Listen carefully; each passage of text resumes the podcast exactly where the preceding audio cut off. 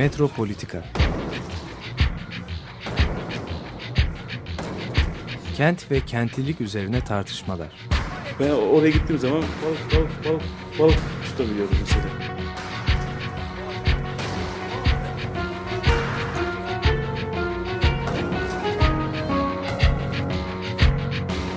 Hazırlayıp sunanlar Aysin Türkmen, Korhan Gümüş ve Murat Güvenç.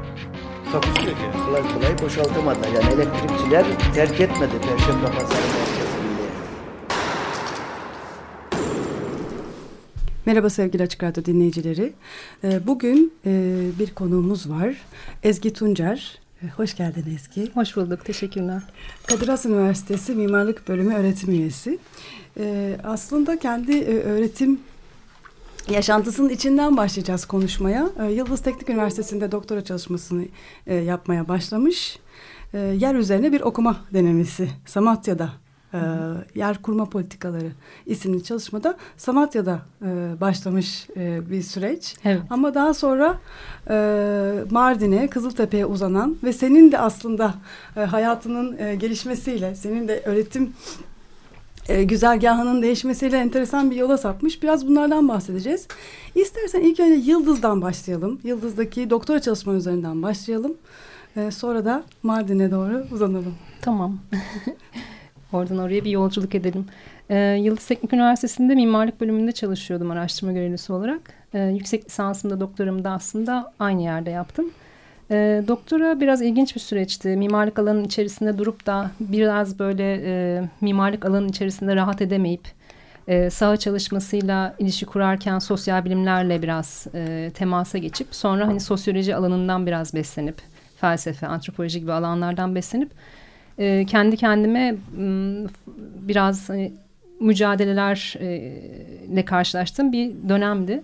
E, şu, şunu ka- kastediyorum aslında. E, Samatya'da aslında mekansal bir düzen üzerinden çıkan yani ızgara dokusuyla organik dokuyu karşılaştırma, hareketlilik üzerinden çıkan bir test konusuydu. Sonrasında e, Amerika'da bir dönem bulunduğumda e, Atlanta'da Georgia Tech Üniversitesi'nde bir dönem kaldığımda aslında oradaki kendi yerleşme deneyimim e, yer ve mekan arasındaki farklılıklar, işte yer kurma pratikleri bunlar üzerine okurken ve oradaki tez danışmanım Sonit Buff'la beni beni yönlendirmesiyle aslında e, mekana bakışım çok değişti ve e, tamamen e, aslında insanların gündelik pratiklerine bakmak, onların hayatlarını nasıl tanımladığına bakmak daha önemli olduğunu, bakmanın daha önemli olduğunu anladım ve e, oradan döndüğümde saha çalışmasını gerçekleştirmek üzere Samatya'da aslında e, bir e, hem gözlemlere dayalı hem haritalama çalışmalarına dayalı hem insanların gündelik e, hareketlerini e, plan harita üzerinde işlemeye dayalı bir işe giriştim ama bunun yetmediğini fark edip e, bir yandan da onlarla aslında derinlemesine görüşmeler yapmaya başladım. E, şöyle bir grup vardı Samatya'da. Benim çalıştığım yıllar e, 2000 hmm, zannedersem 2005 ve 2010 yılları arası. Ama benim hani sa- saha çalışmasını yaptığım sene seneler 2008-2009 daha çok. E, o sıralarda e, bir Kürt göçmen grubu yaşıyordu. Samatya'nın e, alt kısmında aslında tren yoluna yakın kısmında.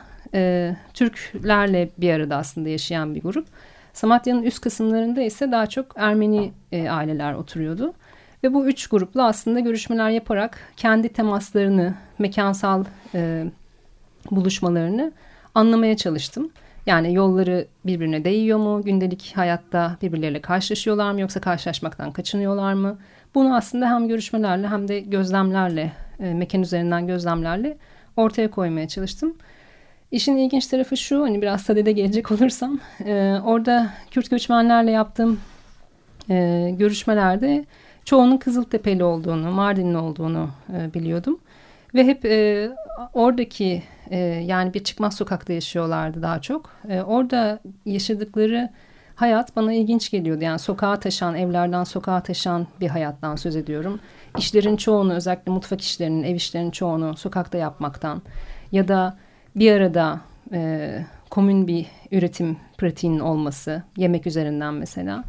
E, işte sofraların sokağa serilmesi, sürekli olan, sürekli parkla e, demir yolunun ötesindeki parkla ilişkilerinin çok kuvvetli olması bunlar bana hep çok ilginç geliyordu. Yani evin dışında sokağa açılan çok e, e, önemli bir hayat vardı ve ben hep merak ediyordum Mardin'de kendi evleri nasıldı Kızıltepe'de ya da köyle köyde dağ köylerindeki evleri nasıldı?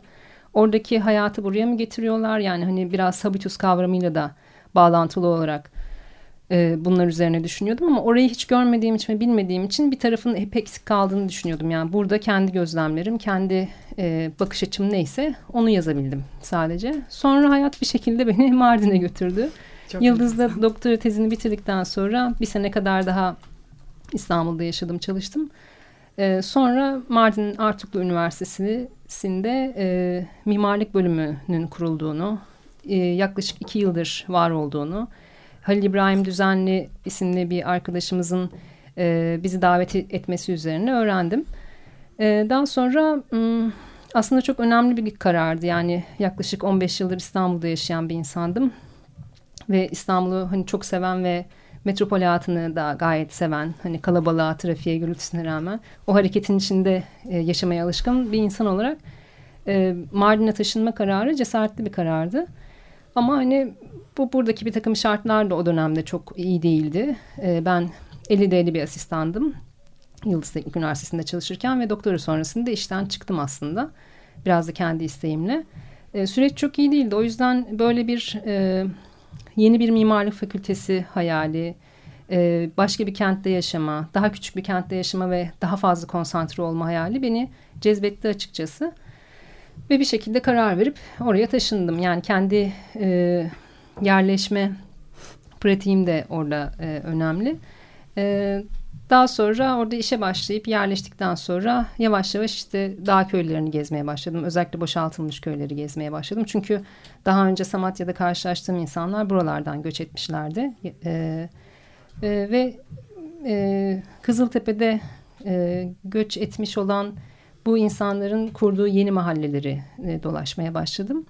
Bunlar da aslında daha çok orada yaşayan öğrencilerim sayesinde oldu. Yani onlarla konuşarak, Kızıltepe'li olanlarla daha çok konuşarak. Tanıdığım bir takım öğretmen arkadaşlarım vardı. Onlarla birlikte dolaşarak bu bölgeleri e, biraz anlamaya çalıştım. Aslında bu insanlar neler yaşadılar, e, nasıl göç ettiler, İstanbul'da yeni yer kurarken nasıl zorlandılar, buralarda nasıl yaşıyorlardı diye bunları düşünmeye başladım. Bir de bir şey soracağım. Hı. Sanırım e, bir sürü dağ köyünde yaşayan Kürtler de Kızıltepe'ye gelmiş değil mi? Ee, Öyle bir durum evet, var. Evet yani Kızıltepe'ye e, bir takım köylerden e, gelen aslında e, çoğunlukla da aynı köyden olan insanlar bir arada yaşayarak aynı mahalleyi yani tek bir mahalleye gelip e, kuruyorlar. E, benim e, tabii ki dağınık bir şekilde de e, çok fazla göç var. Yani herkes öbek öbek bir yerlere gidip yerleşmiyor ama en azından benim Kızıltepe'de gördüğüm iki mahallede böyle bir durum söz konusuydu. Bir takım dağ köylerinden gelen ve birbirlerini zaten tanıyan akraba olan insanlar orada e, biriketten, kerpiçten yeni evler yapıp kendi bahçelerini de oluşturdukları, kendi açık mekanlarını da oluşturdukları, köylerin kendi tasvirlerine göre köylerindeki evlerine benzer yeni evler kurduklarını anlatmışlardı belediye hizmetlerinin görece biraz daha az ulaştığı bir yer. Yani Kızıltepe'nin merkezinin azıcık daha e, dışında bir yerden bahsediyorum. Ama Kızıltepe'nin merkezi oldukça gelişkindir. Yani hani e, apartmanlaşma aslında çoğu yerde gördüğümüz bir apartmanlaşma e, e, deneyimi orada da var. E, soruyu tekrar alabilir miyim? Ben kayboldum. ben aslında, yo, aslında Kızıltepe'yi biraz anladık hani hissettik evet, ama evet. şimdi Mardin yani e, Mardin e, senin Mardin ne nasıl geldiğin, tamam. Mardin'e gelirken nasıl bir muayyeleyle evet, geldiğin evet, evet. ve sonra nasıl ne oldu? bir de Artukluk Üniversitesi'ni de hep çok merak evet, ediyorum. Evet. Hani onunla da bağlan. Bütün bu hikayenin önemli bir parçası da o üniversite çünkü. Evet, Bütün evet. aslında e, bir tarihçesi olarak hani bu bir bölgenin tarihçesinin önemli bir kısmı bence hı bu üniversite. Hı kesinlikle. O yüzden. Ee, 2011'de taşındığımda e, aslında kendi çevremden şöyle taşınma kararı aldığımda daha doğrusu şöyle tepkiler almıştım. Yani kimileri çok iyi tepkiler verip aa ne kadar harika ne kadar muhteşem özellikle mimarlık çevresinden arkadaşlarım. İşte Mardin e, aslında çok hayali çok böyle e, şey bir şehir e, otantik bir şehir. E, Egzotik. Egzotik bir şehir evet doğru kelimeyi bulamadım. Mistik, bir orta çağ egzotik. şey, şehri, mistik bir şehir. işte içinde dolaşırsın, kaybolursun. Kimileri böyle şeyler anlattılar. Ben daha önce hiç Mardin'i görmemiştim bu arada. Ee, aa pardon görmüştüm. Ee, pardon o, o kısmı özel girmeyeyim. Ee, ama çok kısa bir süre için görmüştüm. Evet benim aklımda da öyle bir mitik bir şey vardı. Hayal vardı açıkçası. E, fakat işte bir, bir kısımda ya oraya gidilir mi? Güneydoğu'ya gidiyorsunuz, doğuya gidiyorsunuz. Terör bölgesi yani 90'lı yıllardan herkes e, böyle konuşuyordu hatırladıkları üzerinden. E, kimileri ane güzel bahçenizde sebze meyve yetiştirirsiniz diyorlardı. Hani bir köye gidiyoruz gibi düşünerek. Böyle e, şeyler üzerinden işte düşünceler, konuşmalar üzerinden ben gittim oraya. E, normal bir apartman dairesinde yaşadım. Çünkü Yenişehir diye koskocaman bir e, şehir var. E, Eskişehir'in aşağısında kurulmuş. E, apartmanlardan oluşan gayet iyi bildiğimiz bir kent dokusu.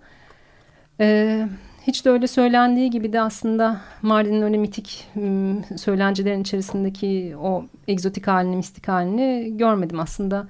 E, ilk başlarda itiraf edeyim ki e, Ardumento'da yazdığım bir izlenim yazısında da bunu belirtmiştim. Metropolden taşraya yani huzur ve bunalımın e, arasında bir yere gittiğimi fark ettim.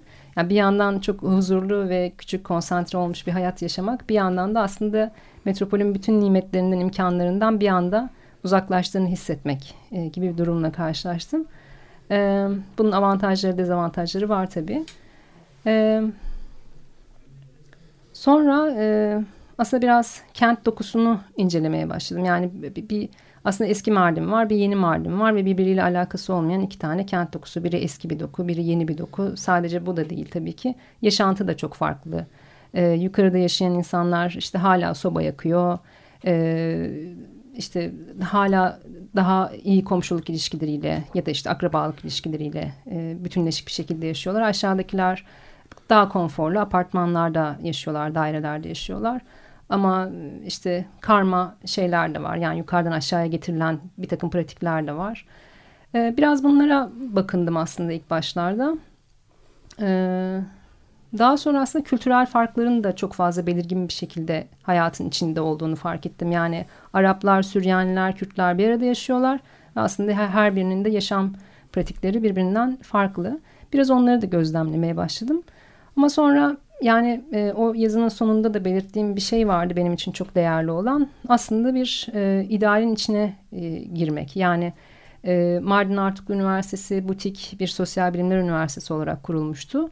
E, ve mimarlık bölümü de bunun içerisinde yer alıyordu. Ki mimarlık bölümlerinin sosyal bilimler içerisinde yer alması çok da görülen bir şey değil. Onun rahatsızlığını hep doktora sürecinde yaşamıştım zaten. Yani o çalışmayı yaparken ya sen sosyolog musun ya da sen mimarsın. Bunun mimar tasarımla ne alakası var? Mimarla bıraktın e, sosyal, sosyal evet. konulara geçtin derler değil mi? Evet, Böyle evet hep öyle derler. Evet. Halbuki mekanın bir toplumsal üretim olduğunu, e, bu, bu tür gündelik pratiklerle uğraşmazsak veya bunları anlamazsak zaten tasarıma yönelik bir şey yapamayacağımızı aslında o geri dönüşün çok da fazla düşünmezler. Yani hani böyle bir e, eleştirel tavır maalesef göremiyordum. O yüzden aslında benim o doktora sürecinde can, canımı yakan bu mevzu Burada hani bir e, çözüm olarak yani sosyal bilimlerin içerisinde bir mimarlık fakültesinin bölümünün kurulmuş olması bana bir çözümmüş gibi görünmüştü. Ve gerçekten de e, en azından benim içinde olduğum yani beş sene kadar çalıştım orada ama en azından içinde olduğum ilk iki sene yani daha yoğun bir şekilde e, çalışmalarımızı sürdürdüğümüz iki sene e, sosyal bilimlerle e, çok fazla iç içe e, birlikte bir şeyler yaptığımız iki seneydi. E, o açıdan ben kendimi çok mutlu hissediyordum ve e, ilk defa kendimi özgür bir akademisyen olarak hissediyorum diye bir cümle kurduğumu gayet net hatırlıyorum. Daha sonra... E, bir o, buluşma da oldu orada evet. değil mi? Yani farklı coğrafyaları çalışan hani evet. bir başka bir yerden bakmayı, evet. bir başka bir yerden hı hı. E, üretim yapmayı hı hı. amaçlayan hı hı. E, ve bunu da hani yeni metotları da denemekten sakınmayan hani evet. böyle bambaşka bir kafa yapısıyla evet, evet. Oluştu, yani her, herkesin, oluştuğunu hissediyorduk burada. Herkesin oradaki derdi aslında iyi bir mimarlık eğitimini kurmak, iyi bir mimarlık eğitimi sağlamak. E, birazcık da bulunduğu konum itibariyle aslında o bölgeden gelen öğrencilere e, iyi bir mimarlık eğitimi sağlamak. Yani bu, bu işin sadece metropolde değil de taşrada da yapılabileceğini göstermek. Uğur Bey'in, Uğur, Uğur Tanyeli'nin e, bir takım röportajlarda söylediği bir şeydir bu. E, yani herkes için bir deney alanıydı aslında. E, böyle çok e, strüktüre edilmiş bir... Hem de dışında bizler için evet, de bir deneydi yani. Evet, evet, evet. Peki aynı deney ee, neden metropolde yaşanmasın? Yani bu şehir üniversitesi kavramıyla falan 70'li yıllarda çok tartışılan bir konuydu.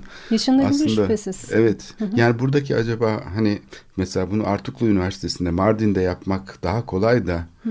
acaba yani böyle büyük şeylerin Hı. döndüğü yani ağır e, simgesel güçlerin çalıştığı işte ulaşım projeleriyle işte e, deprem projeleriyle, kültürel miras projeleriyle muazzam bir hegemonik bir simgesel iktidarın olduğu aslında bir alanda üniversitede yapmak daha mı zor acaba diye insanın hemen aklına bir soru geliyor. Yani buradaki paradoksal olan şey şu, metropol buna daha yatkınken e, tartışma çevresi olarak ve e, şeye açıklığı açısından küresel e, şeylere, bilgi akışlarına. E, metropolde bunlar pek tartışılmıyor. Mesela İstanbul'da planlar hazırlanıyor değil mi? Bir, birkaç kere plan hazırlandı. Ben yani öğrenciliğimden beri hep hatırlıyorum. Hep master planlar hazırlanıyor, şunlar hazırlanıyor. İlçelerde planlar hazırlanıyor ama hiçbir zaman yani böyle bir ilişkisel bakış yani insanların e, istekleri, niyetleri, çalışma koşullarıyla me mekan arasında bir ilişki değil. Hep siyaset düzenleyici bir şey. Hı hı. Mekanda nesne bir şey. Hı hı. Yani böyle siyaset deyince yani bir şey mekanı terbiye etmek gibi hı hı. falan çok böyle tuhaf bir şeyin hakim olduğu bir hı hı. metropol yaşantısı içindeyiz hala. Hı hı. Aslında bir kalıntı denebilir. Ee, böyle bir şey hiçbir zaman olmuyor gerçi. Yani bir İstiklal Caddesi bile belki bu yolla tasarlanamıyor ama ama her zaman bu iddiayı tesis eden bir kurumsal yapı var. ee, sonucu ne olursa olsun yani şehre baktığınızda şehirde hiçbir izini göremeseniz bile bunun tam olarak yani o ideallerin e, sadece bir takım kalıntılarını görüyorsunuz ama buna rağmen o iddiasını sürdürebiliyor. E, burada farklılık nerede olabilir? Yani niye Artuklu Üniversitesi'nde böyle bir proje olabiliyor da İstanbul'da olamıyor aslında hmm. mesela? Aslında söylediğiniz şey çok doğru. Yani metropol çokluk üreten ve çokluk çokluğu emebilen, içinde ihtiva edebilen bir ortam. Yani aslında bunun daha çok metropolde olması, oluşması beklenir. E, ama bu söylediğiniz e, işte politik e, hegemonik ilişkiler orada da vardı. Yani Taşra Üniversitesi'nde de vardı tabii ki. Hatta daha baskın bir şekilde vardı. E, taşra dediğiniz ortam ya da taşra demeyelim de işte daha e, Anadolu ya da işte büyük metropollerin hareketliliğin dışında bir yer e, diyelim. E, orada da aslında tıkandı zaten. Yani e, Tam da o sebeple söylediğiniz sebeple tıkandı. Yani çokluk üretebilen bir yer değil ya da çokluğu ihtiva edebilen tut, bünyesinde tutmaya alışık bir yer değil. Ee, neresi olursa olsun Mardin için söylemiyorum ya da sadece Artuk Üniversitesi için söylemiyorum. Ee, aslında böyle şeylerin sürdürülebilmesi belki metropolde daha mümkündür. Ee, fakat orada en azından benim kendi deneyimim içerisinden konuşursam e, tesadüfi bir şekilde biraz tesadüfi biraz da bilinçli bir şekilde aslında iyi bir ekip bir araya geldi.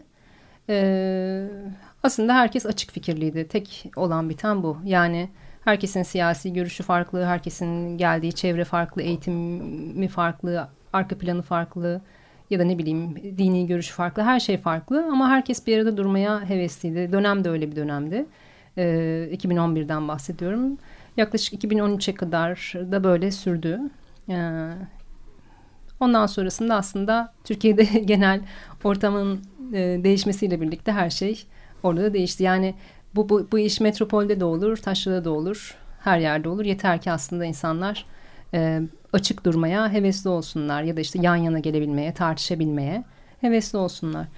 E, bence iş birazcık onunla ilgili. Yoksa e, diğer tutumlarla ilgili e, olmasa gerek. İsterseniz bir kısa müzik arası verelim. Ee, sonra çünkü esas e, evet mevzuya, esas mevzuya geleceğiz. Mehmet Atlı'dan dinliyoruz. Shinonino. Nesaniano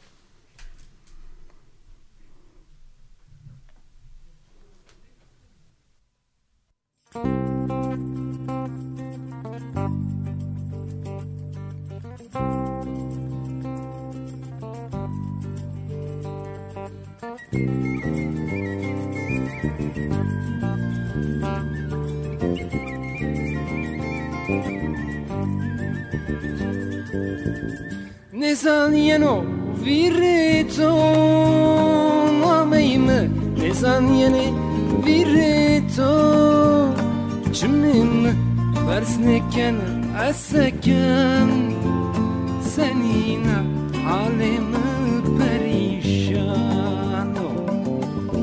Serri maji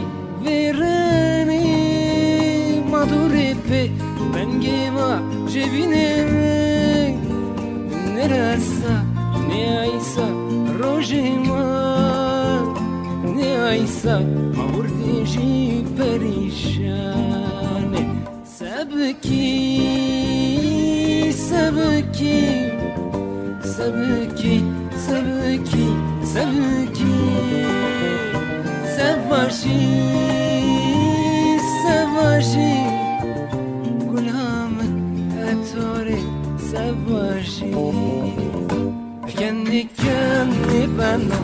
وقتی من نویانو شنو شنو شنو شنو شنو زوری مشنو زرمش کینا حبسی من منو. نینو نینو نینو نینو نینو. حول من نینو.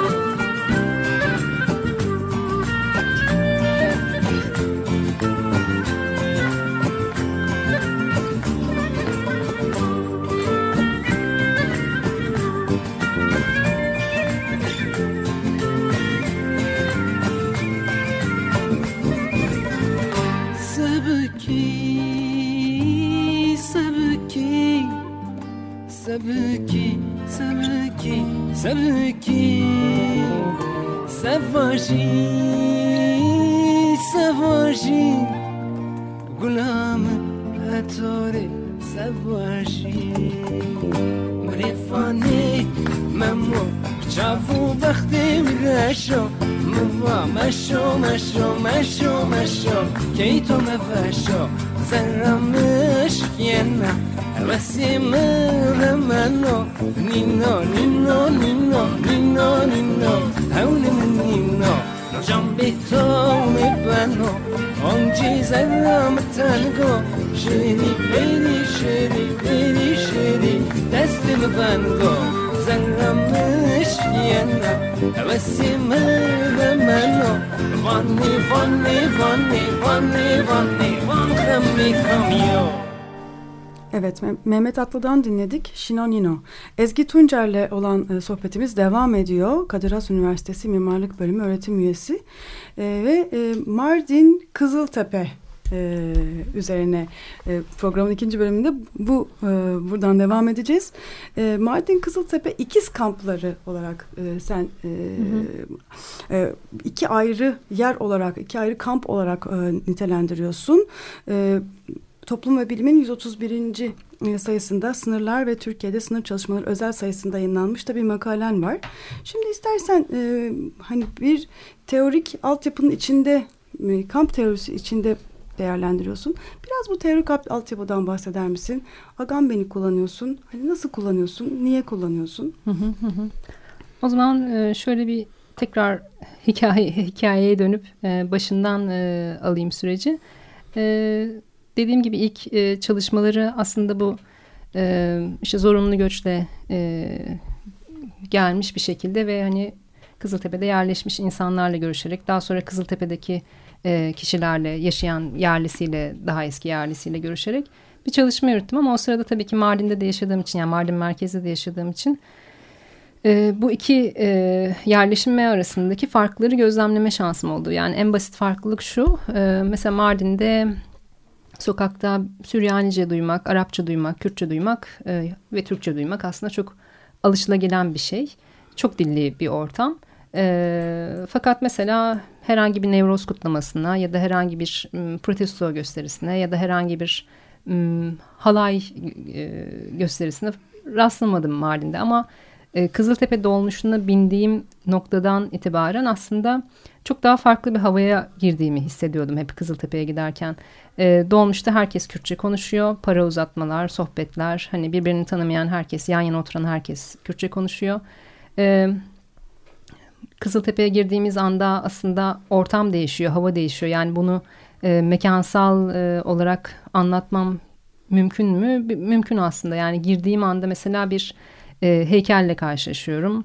E, sonra belediyenin e, önünde üzerinde bir pankartla karşılaşıyorum, bir sloganla karşılaşıyorum ya da billboardlarda belediyenin bir takım e, pankartlarıyla karşılaşıyorum. Yani orada daha politik bir e, hava atmos atmosfer e, sezdiğimi fark ettim. Renkler değişiyor.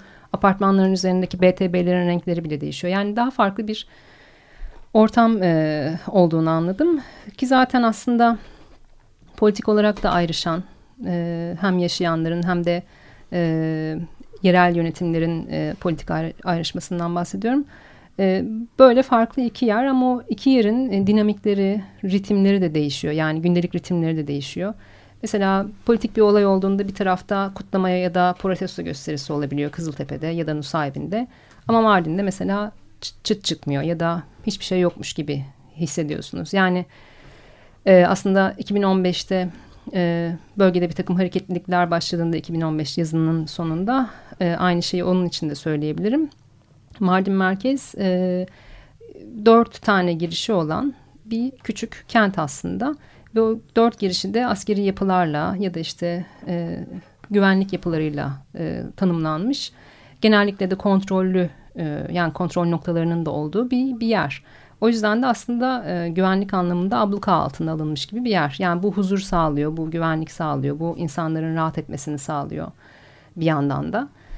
Ama bir yandan da aslında çevrede olup bitenden kopuk bir ortam e, e, ortamın olduğunu gösteriyor. O yüzden e, ben bu iki yerleşimin nasıl bu kadar yakın olup nasıl bu kadar birbiriyle ilişkili olup 20 dakikalık bir mesafeden bahsediyorum dolmuşla yani ya da arabayla 15 dakika diyelim.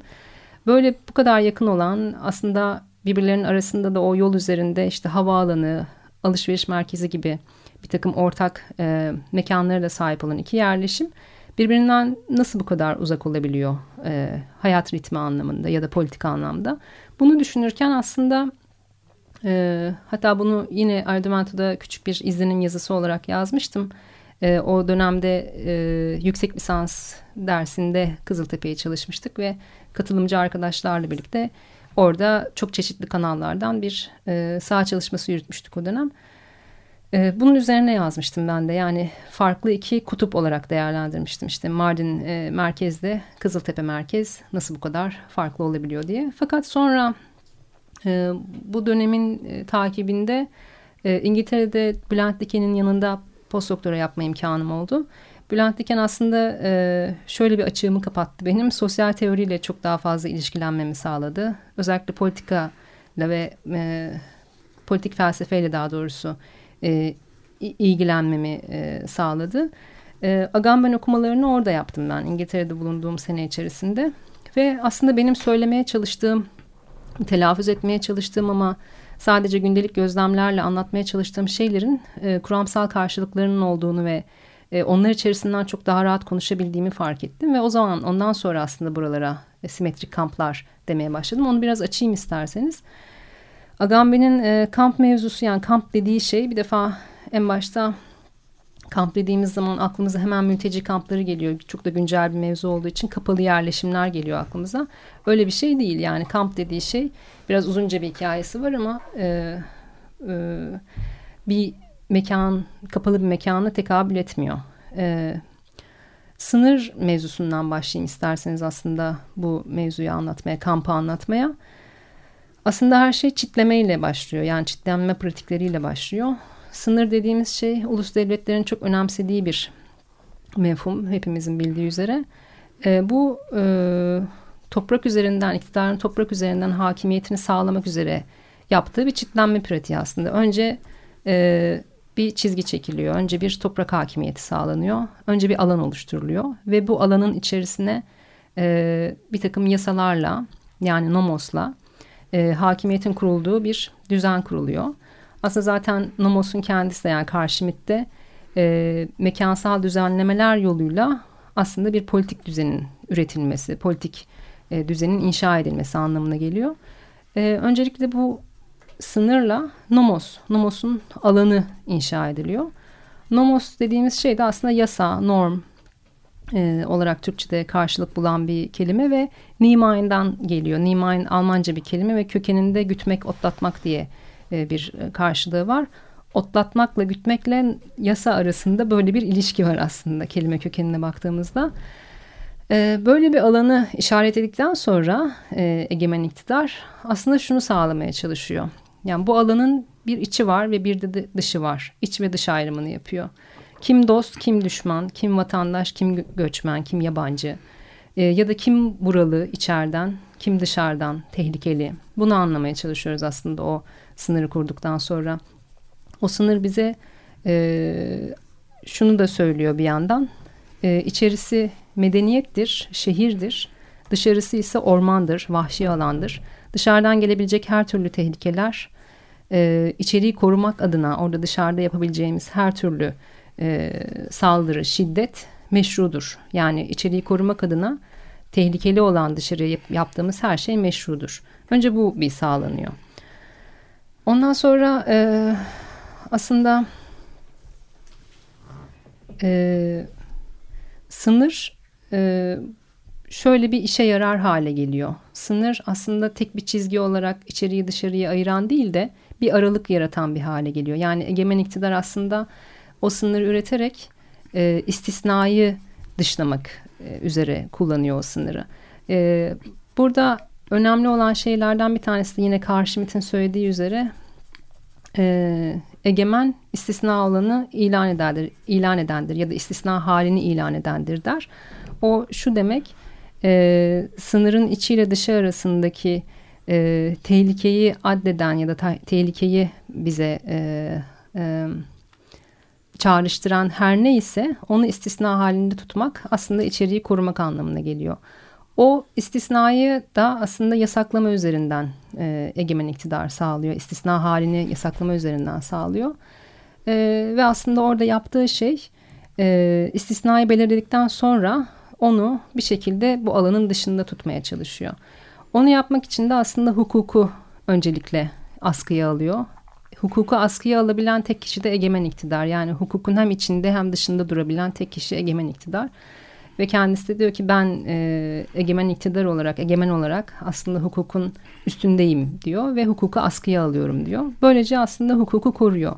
Fakat hukuku korurken aslında istisna haline ittiklerini hukuktan dışlıyor. Yani hukukun güvenceli alanından, hukukun e, koruyucu alanından, insan haklarından, yasalardan, her şeyden dışlamış oluyor. Fakat bu öyle basitçe bir dışlama, dışarıya atma da değil.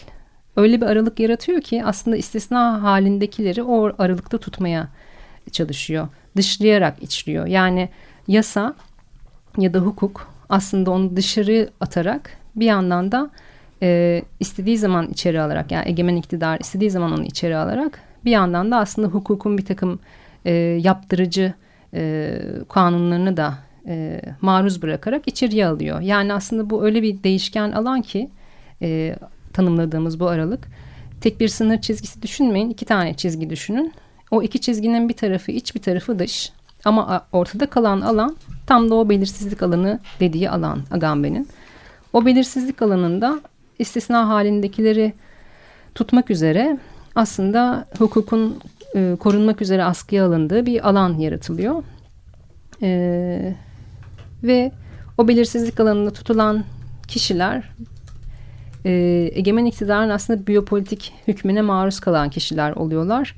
Ve Agamben e, bu, bu kişileri aslında tam da biyopolitik nesnelere indirgenmiş bu kişilere e, çıplak bedenler diyor. Yani bütün haklardan mahrum bırakılmış, e, sadece salt bedeniyle varlık e, gösterebilen, başka elinde hiçbir şey olmayan insanlardan bahsediyoruz. Aslında mülteciler o yüzden e, şimdi bu kamp meselesiyle mesela çok fazla tartışılıyor literatürde.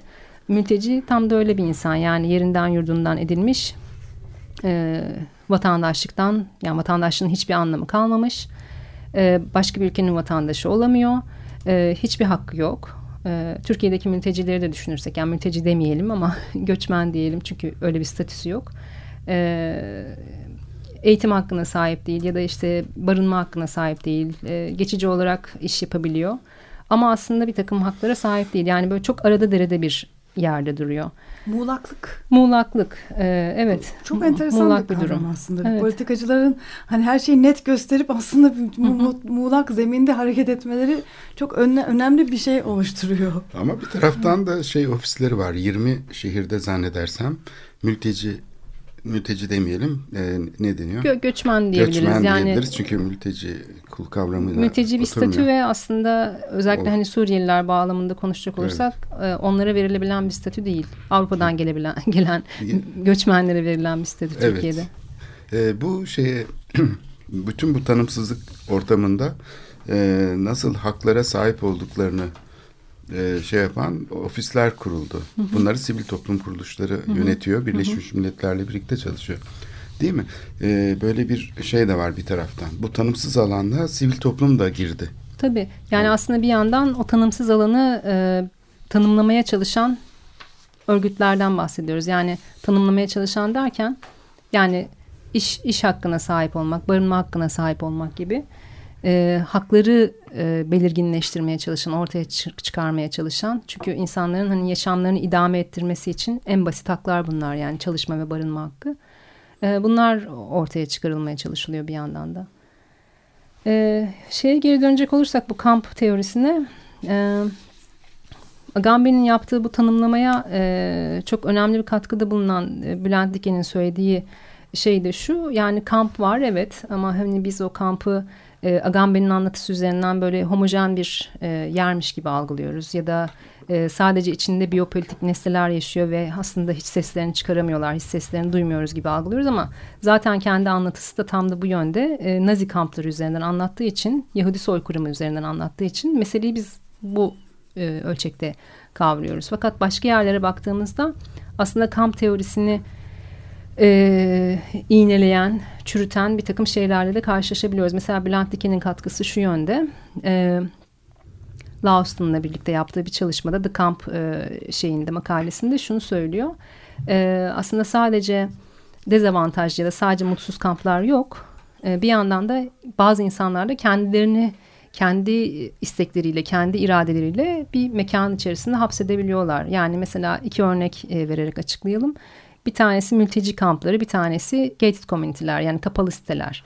Tabii ki nesne olarak karşılaştırılabilecek şeyler değil ama şu açıdan karşılaştırabiliriz. Giriş ve çıkışlar açısından mesela karşılaştırıyor. Çitleme açısından. Çitleme açısından karşılaştırıyor. Bir tanesinde kapatılan kendi isteği dışında maruz kalan yani istem dışı bir şekilde kapatılan bir gruptan bahsediyoruz.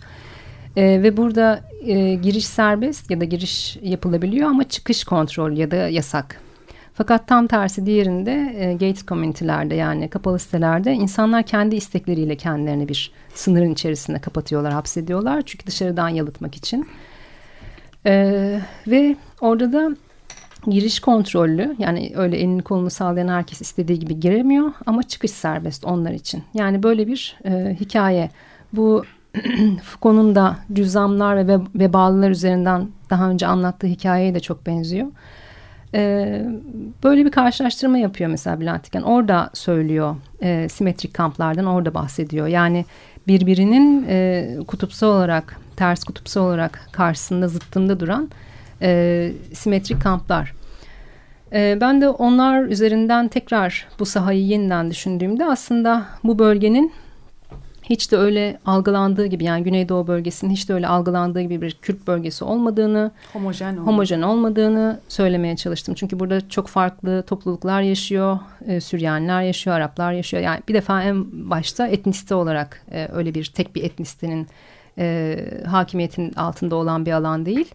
E, nüfus yoğunluğu olsa bile. E, İkincisi de aslında eğilimler hep aynı değil. Yani burada aslında kamp içinde bir sürü küçük kamp var. Yani kamp içinde kamplar var. Sınır sürekli olarak e, aslında Filistin, İsrail coğrafyasında gördüğümüz o e, e, dolan başlı bir sınır vardır ya. Sınır sürekli aslında Güneydoğu coğrafyası içerisinde de bir içeriye bir dışarıya kayarak e, yani şu anda kartografik olarak haritadan izlediğimiz o doğrusal sınırın yerine aslında içeriye dışarıya kayarak e, çizilen bir sınır var. Bir zihinsel, hayali bir, metaforik bir sınır var. E, o yüzden e, yani burası öyle işte algılandığı gibi, tahayyül edildiği gibi bir bölge değil aslında. Bölgede bir sürü küçük göz var demek istemiştim. Burada bir parantez Tabii ki. açacağım. Ee, Mehmet Atlı'nın sanırım e, Tarkovski'deki Stalker film, Tarkovski'nin e, Stalker filmindeki e, bölge e, kavramıyla Güneydoğu Anadolu bölgesini e, hani eş bir şekilde e, söylediği bir, bir şey var. Bu, bunun çok önemli olduğunu düşünüyorum. Çünkü yani e, hani şimdi senin söylediğin o farklılıkları hiç e, düşünmeyen, hiç e, dikkate almayan böyle bir kafamızda e, bir hani hepimizin de kafasında bir bölge var. Hani bunun ne kadar as- aslında fantastik, e, ne kadar hani bilim kurgu gibi bir şey olduğunu da vurgulamakta fayda var. Yani bahsederken şey yaparken hep böyle bir yer var kafamızda.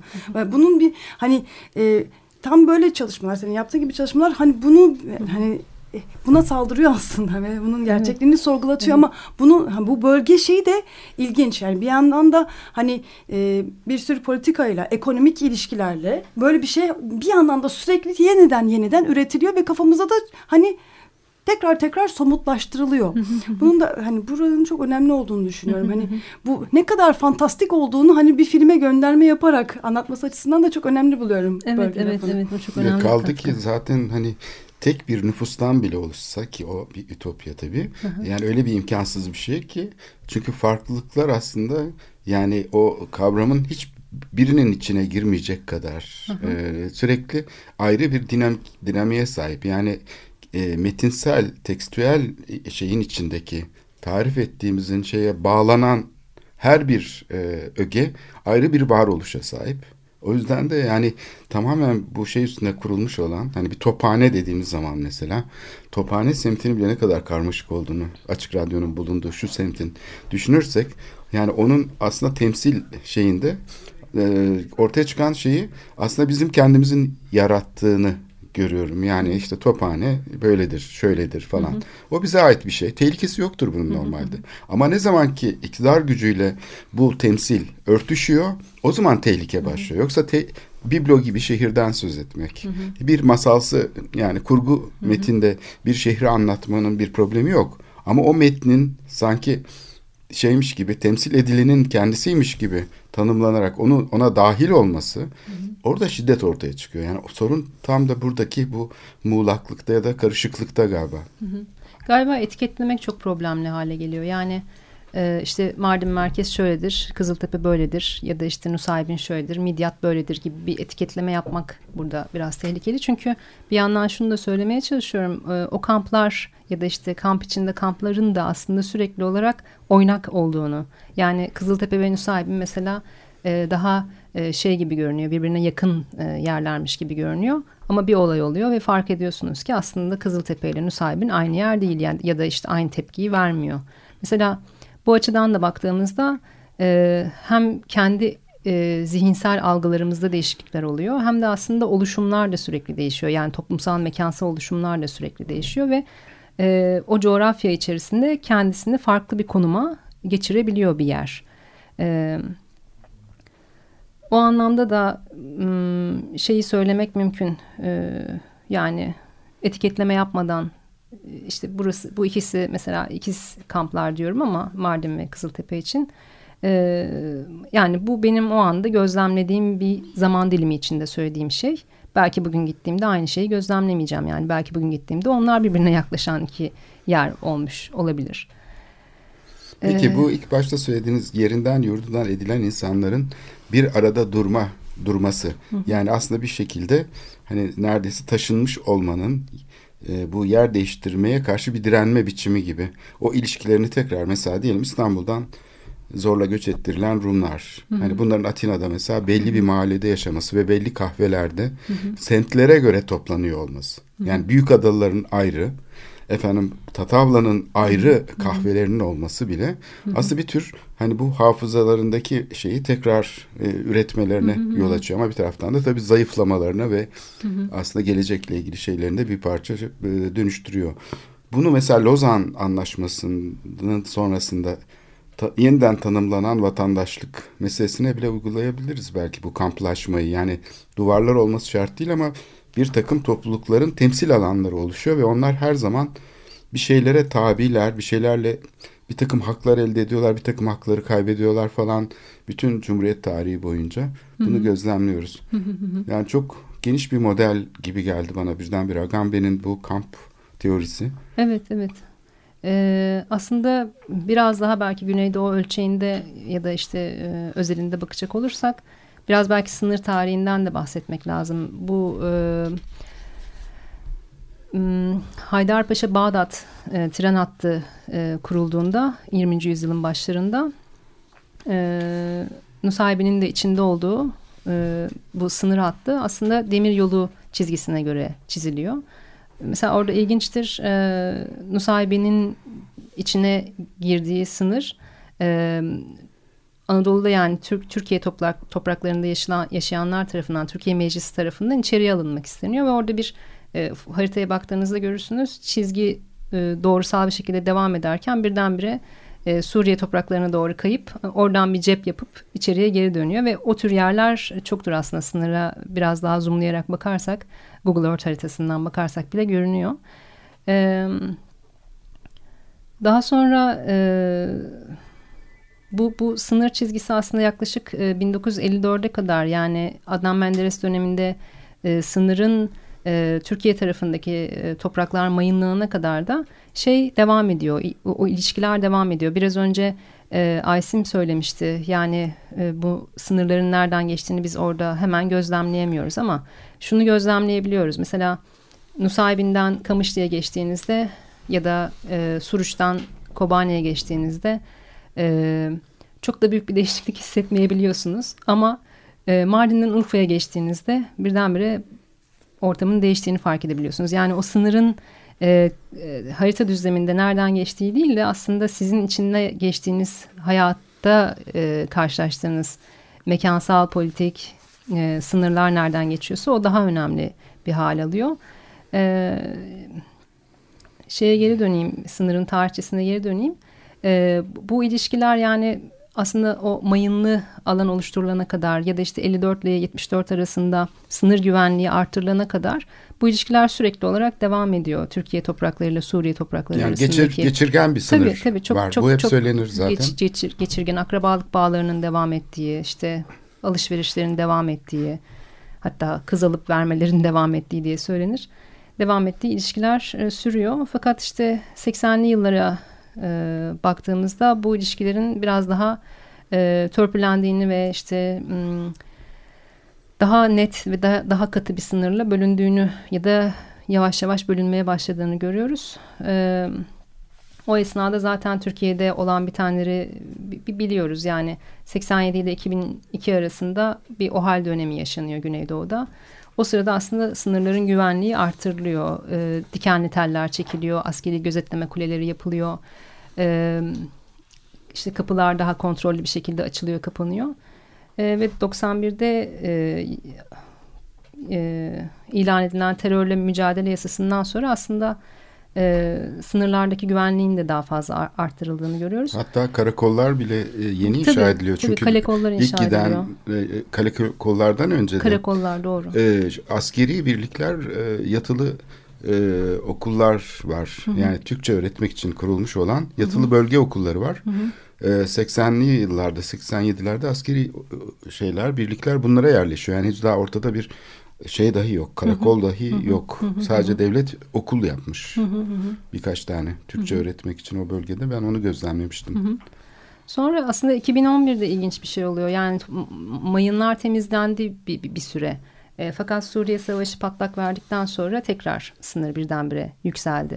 O yüzden hani e, daha başta belki değinmek daha iyi olabilirdi ama sınırların e, sürekli olarak e, biçim değiştirdiğini, form değiştirdiğini, anlam değiştirdiğini zaten hani hep e, konuşuyoruz ama e, belki şöyle bir yerden gelmek de iyi olabilirdi. E, ya da olabilir tekrar dönebiliriz. E, ulus devletler için sınır hiçbir zaman önemini kaybetmeyen bir mesele. Hemen toparlayayım.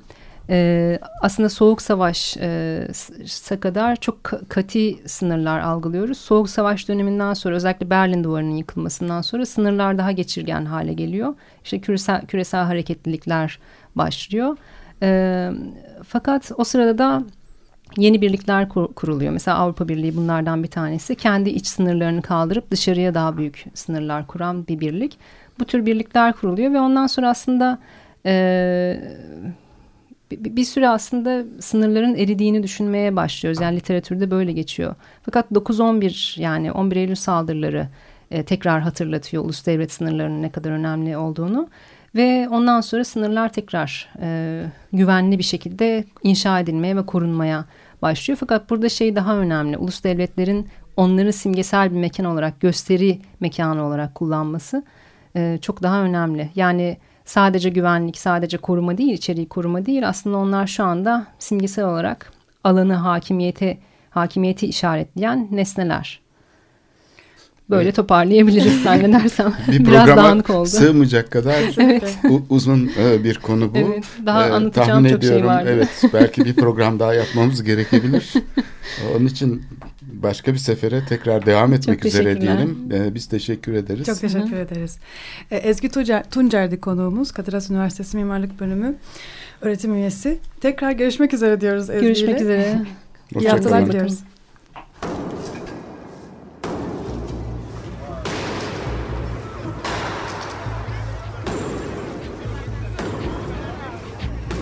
Metropolitika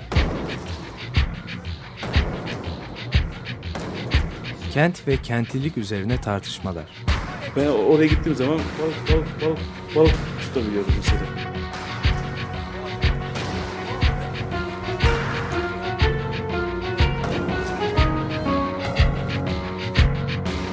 Hazırlayıp sunanlar Aysin Türkmen, Korhan Gümüş ve Murat Güvenç takusuyor yani. Kolay kolay boşaltamadı. Yani elektrikçiler terk etmedi Perşembe Pazarı merkezinde. Açık Radyo program destekçisi olun. Bir veya daha fazla programa destek olmak için 212 alan koduyla 343 41 41